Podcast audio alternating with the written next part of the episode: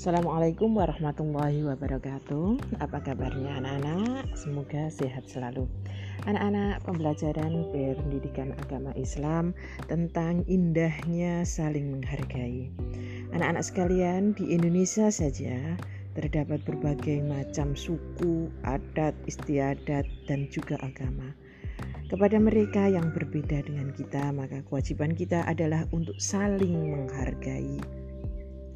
Dalam hal apa saja bisa diperbuat, misalnya yang pertama menghargai pendirian orang lain. Masing-masing orang, setiap orang punya pendapat sendiri, punya pendirian sendiri. Sehingga apa? Atas pendiriannya itu kita mempunyai kewajiban dan hendaknya bisa saling menghargai, tidak memaksakan kehendak. Menyarankan boleh, tetapi tidak memaksakan. Jadi memberikan saran boleh.